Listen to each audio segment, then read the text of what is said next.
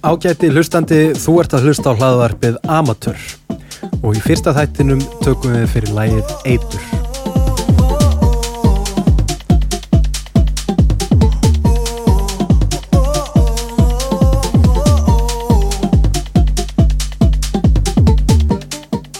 Guð gef mér þólinnmæði til að klára þær hugmyndir sem eiga möguleika, kjark til að hætta við þær sem eru ekki að virka og visku til að greina þar á milli. Þetta er svokvöldið aðruleysi-spæn listamanna. Ég fann hann á Facebook hjá pianistjanum Hirti Yngva Jóhansinni og mér fannst kjörið að byrja þáttinn á því að flytja þessa bæn. Því að þessi bæn á mjög vel við umfjöllunarefni þáttarins. Hér spila til dæmis í síðasta skipti í sjónvarpi hljómsveitin Retro Steffsson sem er að hætta í kvöld fyrir fullt og allt. Það eru liðin 6 ár frá síðustu tónleikum Retro Steffsson.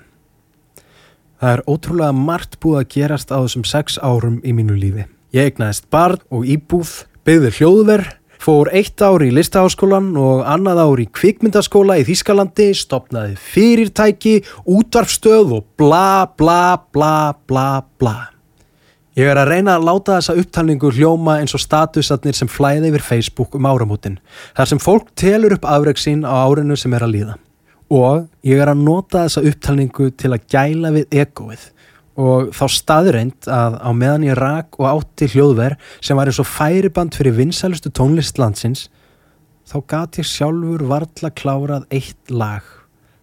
Ég gati hjálpað öllum öðrum að semja, spila og ekki síst hugreista en að komast áfram í minni eigin tónlist og lagasmíðum það fekk hins vegar að sitja á hakanum. Ég er ótrúlega góður í að fresta og láta annað ganga fyrir og ekki síst, og það er jafnvel minn mest í hæfileiki og löstur, er hvað ég er fáránlega góður í að spá í hlutunum, hugsa. Vandin við þau okkar sem erum góði að hugsa er að við eigum oft erfitt með að gera meira segja bara þetta hlaðvarp. Ég hef búin að eiga í því líkum erfiðleikum með því að koma því saman.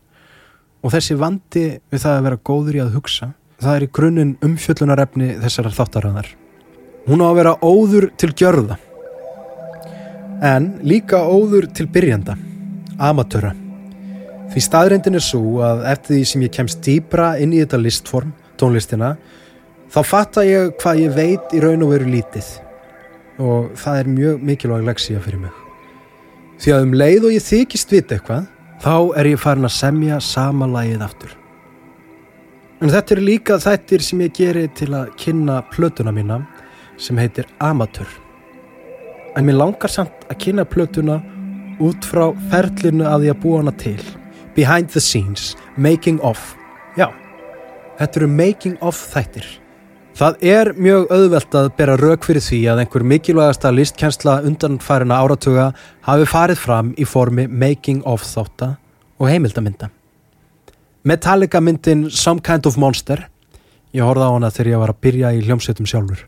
Hún er eins konar hljómsveitar hryllings heimildarmynd sem veitir bæði innlifun en því líka auðvut farið.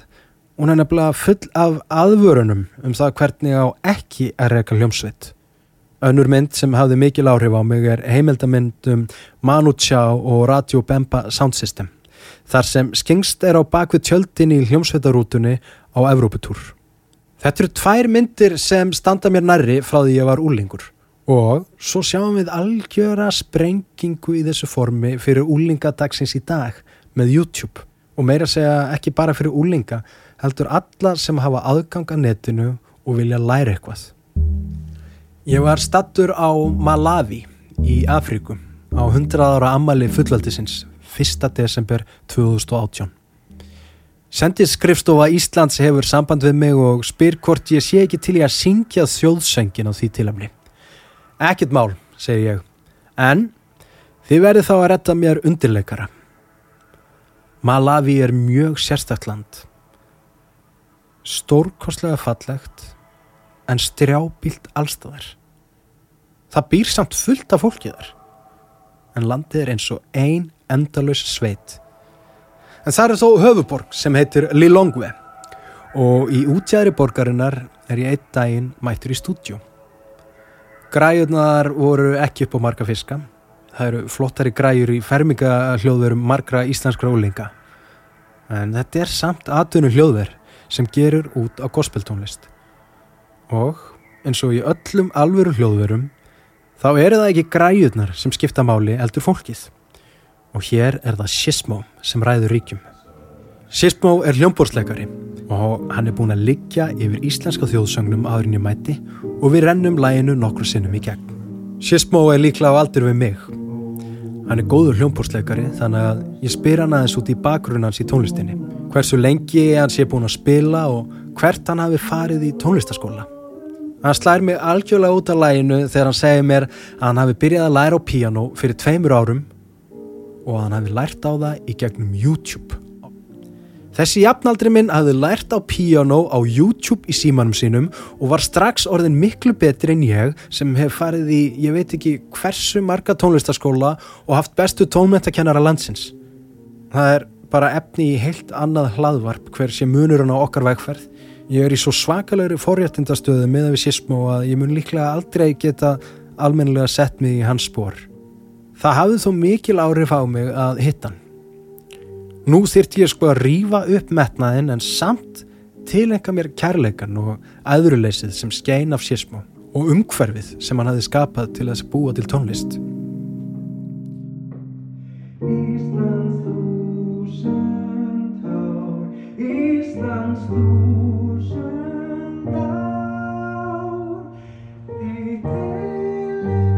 Þannig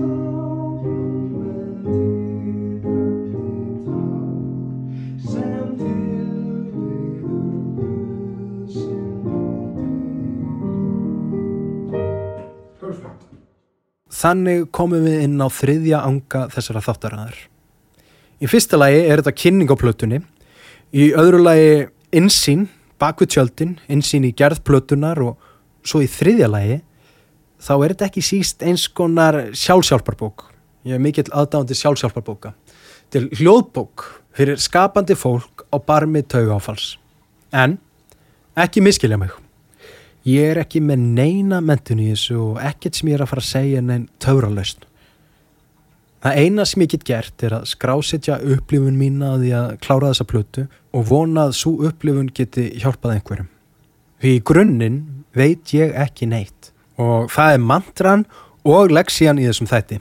Ég er amatör og um leið og ég hætt að vera það fer ég að staðna. Í hvert sinn sem ég er hrættur þá minn ég mig á að ég sé bara amatör.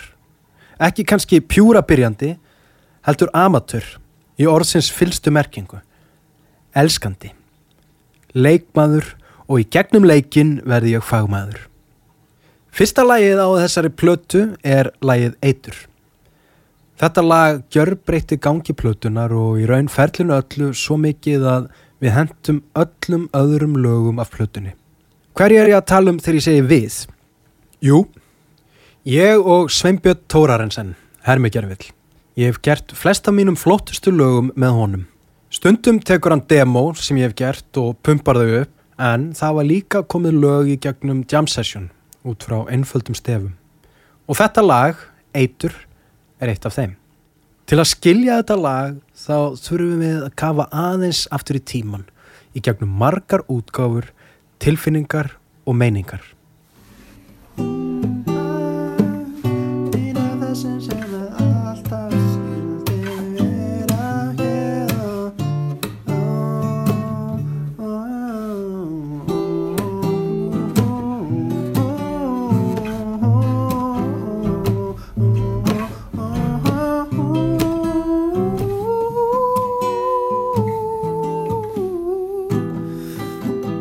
Svona byrjaði lægið eittur.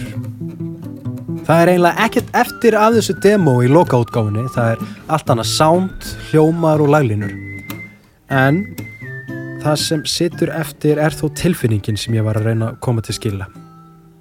Þegar Mordor öflin í þessu landi mistu völdin í kjölfar Panamaskjálana var bóðað til kostninga og þá þurfti að fresta heitli þáttaröð sem ég var að vinnað á rúf. Ég var búinn að tegja mig ansi langt til að geta keift íbúð og byggja stúdíu á sama tíma Þannig að útgjöldin voru orðin mjög mikil þegar yfirmenn mín er á rúf tilkjanna mér að það þurfa að skapa plás fyrir kostninga um fjöllunum haustið. Og því miður þurft að fresta þáttaröðinu minni fram á næsta ár. Shit. Það var komin september og ég sá ekki fram á neinar tekjur fyrr enn í janúar. En þá var eins og Guð og gæfan gripu mig á þessari stundum. Adam, smiðurinn sem hafði verið að byggja með mér stúdjóið og gera upp íbúðuna mína, býður mér vinnu við að aðstáða hann í smíðunum. Síðasta rúf viðtalið sem ég tók þetta höstið var á förstu degi. Rannsóknar viðtal við Margréti Frímans fyrir um fangilsistjóra á Littlarhönni. Það var svo einskjær og mjög íslensk tilviljun að á mánudeginum var ég mættur með Adami heim til Margrétar Frímans að byggja nýja forstofu. Ég vann bara hjá Adami í einn mánuð en á þeim mánuði náði ég að borga upp skuldir og ekki síst byggja upp nægilega mikinn andlegan styrk til þess að fara að semja aftur. Og ég mun segja þetta aftur og aftur við hvert hann sem vil heyra. Það bjargaði lífi mínu að taka upp hamarinn. Við unnum langa daga, byrjuðum klukkan 8 á mótnana og unnum fram á kvöld. En þetta var líka erfiðisvinna. Ég held að ég kæmi heim og myndi semja tónlist á kvöldin en ég sopnaði bara alltaf strax eftir vinnu. Þannig að ég hugsaði með mér ég verð að taka þetta hugafar og vinnu eðli úr smíðunum með mér í tónlistasköpun. Um leið og ég er búin hjá Adami sæk ég um listamannalun. Ég fæ hálft ár, þrjá mánuði til að spila og þrjá mánuði til að semja. Einhver staðar á þessum þremur mánuðum kemst aðeins meiri mynd á lægið eitur.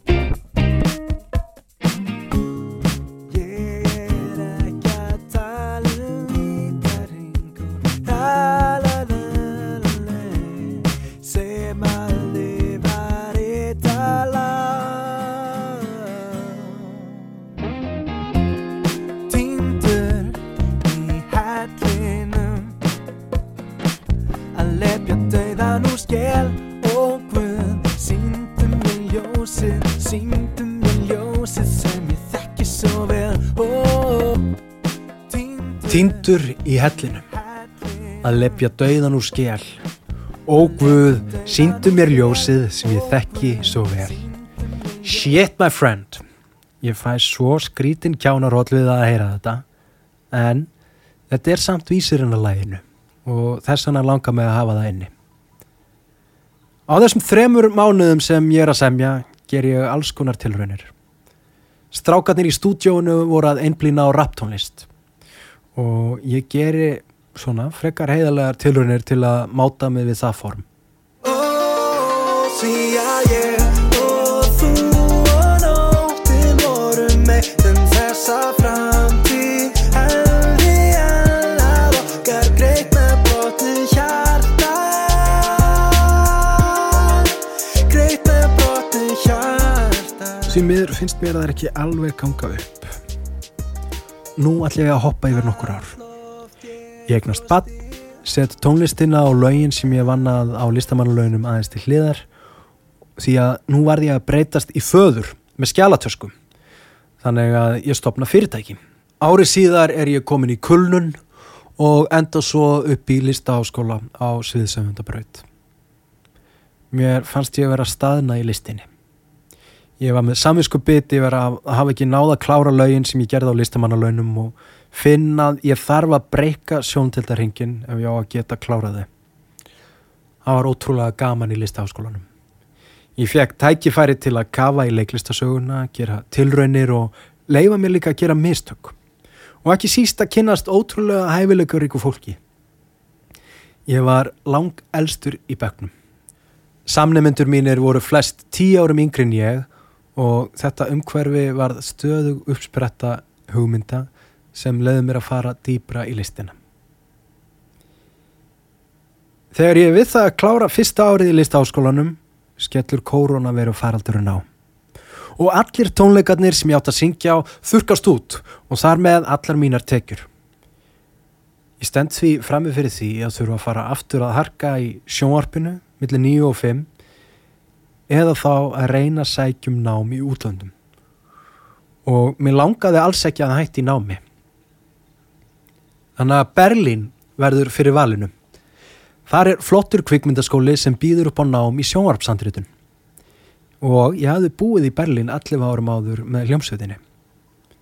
Ég tek fjölskylduna með mér og útskrifast ári síðar með heilan fullan af hugmyndum og tólum til að tækla þetta listform sem sjónvarpið er Í heilan vetur í miðjum heimsfaraldri mætti ég alla daga í vinnustofu niður á Kotti, Kottbúser Tór í Berlín þar sem er nokkuð stór lestarstöð. Þetta er einnig líflegasti partur borgarinnar. Þarna eru sprótafyrirtæki og stútfullt af geggjum veitingastöðum og börum. En þarna er líka mikil eind á bakvið glamúrin sem fylgir ungum frumkvölum. Á Kotti sapnast saman mjög margir einstaklingar sem berjast við eitilugum fík og geðsjúkdóma. Það eru alls konar skadaminkunar úræði staðsett við lestastöðina en líka mjög skuggalagt fólk, dópsálar sem herja á og hrella fíklana allan leiðlangan daginn. Og þegar COVID hjælt öllum frumkvöðlunum í gíslingu heima hjá sér og veitingastæðinir lókuðu, þá var eina fólkið sem var eftir á kotti fíklarnir og dópsálarnir og svo við bekkurinn minn í handrítanáminu. Helmingurinn af bekknum ákvaða að halda áfram að mæti í skólastofuna og verið í búblu í gegnum faraldurinn. Og þetta var eitt skemmtilegasti tími æfuminnar. Við skrifuðum saman ógrinni af hugmyndum og þáttum, gaggrindum hvort annað og kjörnuðum hugmyndir og ekki síst lefðum ímyndunarafluna ráða. Allt í einu var ég komin í vinnu sem samænaði það besta úr þessum tveimur áhugamálum mínum, poptónlistinni og sjónvarpinu. Við skeggrættum hverja einustu senu eins og ég lærði að gera þegar við vorum að skrifa heimildathætti á rúf en við gáðum líka ímyndunaraflinu lausantaumin eins og við gerum í tónlistinni. Og undir niðri allan veturinn kröymaði tónlistin. Sumarið áðurinn ég fór til Berlinar að ég tekið upp nokkur lög í sjónvarpinu í þættinum Tónatal hjá Matta á Rást 2. Þessi þáttur færði mér heilmikið sjálfströst í tónlistinni. Þátturinn sjálfur kom út hálfu ári eftir að hann var tekinu upp og þar fluttum við Hermigervill ábreyðu af Páls Óskarslæginu Er þetta ást? Nú, mér óafvitandi sló þetta lag í gegn um veturinn heima á Íslandi. Það var ekki fyrir en ég fæ símtal frá bylgjunni hvort ekki væri hægt að gera útvarpsútgáfu á læginu sem ég fatta hvað lægið er orðið vinnselt á Íslandi. Annað lag úr þættunum, Lúser, var líka tilbúið og ég gaf það út setna sama ár. Það náði það alveg einhverju spilun og margir karlar á mínu reki sögðu mér að þeir tengdu mjög stert við þetta lag. En samt er eitthvað við það sem ég finnst ég ekki alveg hafa náða negla 100%, allavega ekki sem lag á þessari soloplötu. Þannig að um leið og ég klára skólan í Þýskalandi kemur Hermi Gervill til Berlínar og við höldum áfram með plötuna. Ég veit ekki hvort það sé eitthvað í loftinu alls konar tónlistafólk er að gera danstónlist núna eða hvort það hafi verið veran í Berlín en það gerast einhverjir töfrar þessar tværi vikur sem Hermigervill er hjá mér á Hermannplats í Berlín. Smátt og smátt förum við úr því að gera 80's gítarrock og færum okkur alfarið yfir í nútíma danstónlist. Reyndar á plötunin sem hún lítur út núna eru ekki mörg lög eftir frá þessu upptökutímabili síðan sömarið 2021 en tilraunirnar sem við gerðum það sömar höfðu mikil áhrif á restin af plötunni. Ég egnaðist mjög góðan vin í Berlín sem heitir Árni. Hann er einn af okkar færustu plötusnúðum undir nafninu Árni Skjang. Á þessum tveimur árum sem ég var í Berlín síndan mér ógrinni af tónlist sem hefur haft mikil áhrif á það sem ég er að spá í í dag. Þegar ég var heima hjá hann um að hlusta á vínilplötur leið mér stundum eins og ég væri ungur íslenskur tónlistamæður í New York á eftirstríðsárunum að fá masterclass í jazztónlist. Danstónlist og jazztónlist eiga það nefnilega samægilegt að það er hægt að kafa mjög djúft ofan í báðar stefnunar. Alveg eins og það eru til jazzgeggjarar þá er líka til fólk sem að lifir fyrir danstónlist. Það er hægt að hlusta á báðar stefnunar á alls konar hátt. Til dæmis sem bakgrunnstónlist. Ógæðslega mikið af YouTube-vídeóm er allt í hennu með einhvers konar svona tropical house undir vídeónu hjá sér. Lög sem eiga bara búið til stemningu en kannski er ekki beint mjög frumleg. Alveg eins og það er til jazztónlist í liftum út um allan heim. En það er líka til fullta tilraunatónlist sem fellur undir báðar stefnur og fullt af poptónlist sem hægt er að taka inn í þessa undirflokka tónlistar. En það er líka mjög margt í báðum stefnum sem er erfitt að skilja við fyrstu hlustun og snýst ekki síst um skinnjun frekar en reynan skilning. Mér finnst það mjög mikilvægt í minni listsköpun að geta stiði skref aftur og bakk og skoða það en söguna. Séð hvað var að frétta fyrir áratugum og jafnvel nokkrum öldum síðan. Lærum það sem var að gerast í Berlín fyrir hundrað árum á millistriðsárunum og séð hvaða hliðstæður eiga sér stað í dag. Og þetta á ekki bara við um tónlist.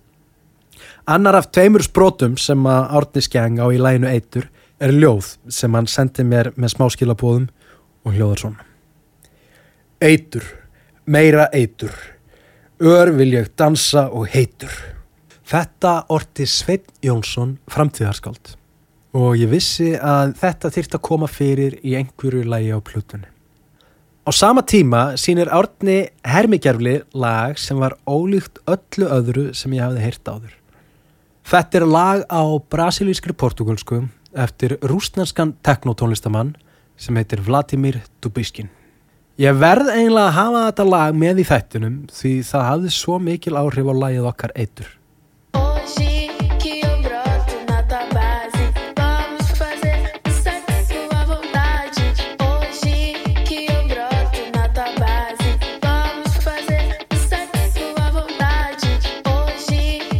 Gítarvinnslan á læginu er brilljant. Ramagsgítarn er að koma aftur tilbaka eftir að hafa áttundir höggja sækja í poptónlist í nokkur ár. Og þarna var þessi rúsnarski tónlistamæður búin að finna gítartum stað í eins konar teknolagi. Og gítarinn er alls ekki algengt hljóðfæri í teknotónlist sem er oftast drefin áfram af rafhljóðum og slagverki. Hermigervill var ekki lengi að svara kallinu það er svo gaman þegar listaverk kallast á við hvort annað. Þannig að Hermi Gervill tók upp gítargull frá mér og forritaði úr gítarnum eins konar slagverkslínu. Ég tók sönglinunar úr demónum sem ég hafði unnið nokkrum árum fyrr og ákvaða að nota þær í læginu og svo í algjörlega í stíl við alla tónleika sem ég hef komið fram á síðan faraldurinn byrjaði þá frumflutt ég lægið þetta í sjónvarpinu í kryddsíldinni á stöð 2 um áramótin sama ár. Komin tími til að skipta um takt. Unstitt Manuel Stefánsson er hingað komin og með honum raf tónlistarmadurinn Hermi Gervill og nú veitist okkur sá heiður að kynna glænýtt lag eftir Unstein sem þeir félagar frumflítja hér og nú á gamlástag og er enda svo nýtt að nafnið var til fyrir rétt rúmum sólarring. Það heitir Eitur, gjör þið svo vel. Nú langar mig aðeins að tala um textan í læginu. Í demói nr. 2 þá er viðlaðið svona. Mamma er tætt, hún var að vinna alla nóttina. Að gefa þér að drekka svo að þú eru þér sáttum aður. Þessi orð hripaði ég niður í blackoutinu sem fylgir því að vera nýbakað foreldri. Þegar líður svo að ég að fara að flytja lægi í kryddsildinni þá bendir konan mín mér á það að þetta sé kannski ekkit sérstaklega upplýfgandi texti til að heyra á dansskólunum. Þannig að ég sný á textan og set fram þessa mynd af hugsunum skemmtikrafta sem er að koma fram á næturklúpi. Við erum tætt, vorum að vinna alla nóttina, að gefa ykkur að drekka svo þið ráðiðu brestina. Og til að kórána þessa tilfinningu byrði ég tvö mínum allra uppáhalds að syngja þessa línur með mér. Og þetta eru krakkar sem ég hef eitt hundruðum klukkustunda með í, í skotgrefinum í þessu stríði sem tónlistin er. Það er hann Friðrik Róbertsson eða Flóni. Eitur í glasinu Og svitin klítar að mér Ónguð, síndu mig ljósið Síndu mig ljósið sem ég þekki svo vel oh. Og Karin Arnhildardóttir eða Young Karin. Eitur í glasinu Og svitin klítar að mér Ónguð, síndu mig ljósið Síndu mig ljósið sem ég þekki svo vel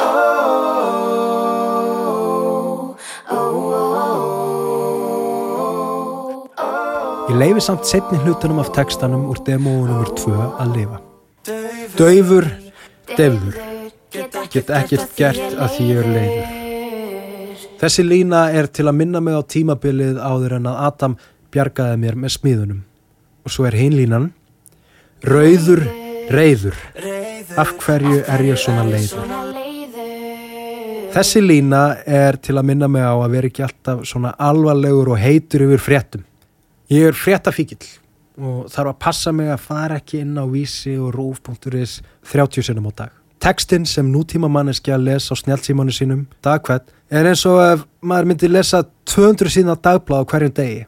Ef ég ætla að skara fram úr í listinni og standa við þau markmið sem ég hef sett mér, þá get ég ekki eitt heilu og hálfu dögunum í að missa mig við einhverju á Facebook. Ég er að gera danstónlist. Ég reyna að gera hann á frumlegan hátt og ég passa mig að gleyma því ekki að ég líka að reyna að skemta fólki. Og í útgáfunni sem ég flutti í kryddsildinni er ennþá gamla viðlæðið. Tindur í hellinum að lepja döðan úr skell.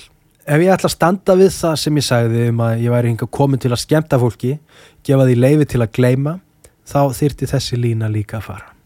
Þannig að til að loka læginu skrifaði ég nýtt viðlag og þar ákvæði ég að vísa í ljóðið eftir framtíðarskáldið. Eitur í glasinu og svitin glitrar af mér. Ó Guð, síndu mér ljósið sem ég þekki svo vel. Kæru hlustendur, skemmtið ykkur á tónleikum, hafið gaman, skálið í eitri í glösum eða viljið, því eitrið borgar launin mín. Og það er eitthvað sem ég hef í raun og verið enga skoðun á, heldur er það einfallega bara staðan. Ég er ótrúlega ánæður með þetta lag og það setur sterkan tón fyrir plötuna. En núna þarf ég að loka þessum fyrsta þætti með því að spila loksinslægi fyrir ykkur og fara svo aftur í stúdjóið því að platan er svo langt frá því að vera tilbúin.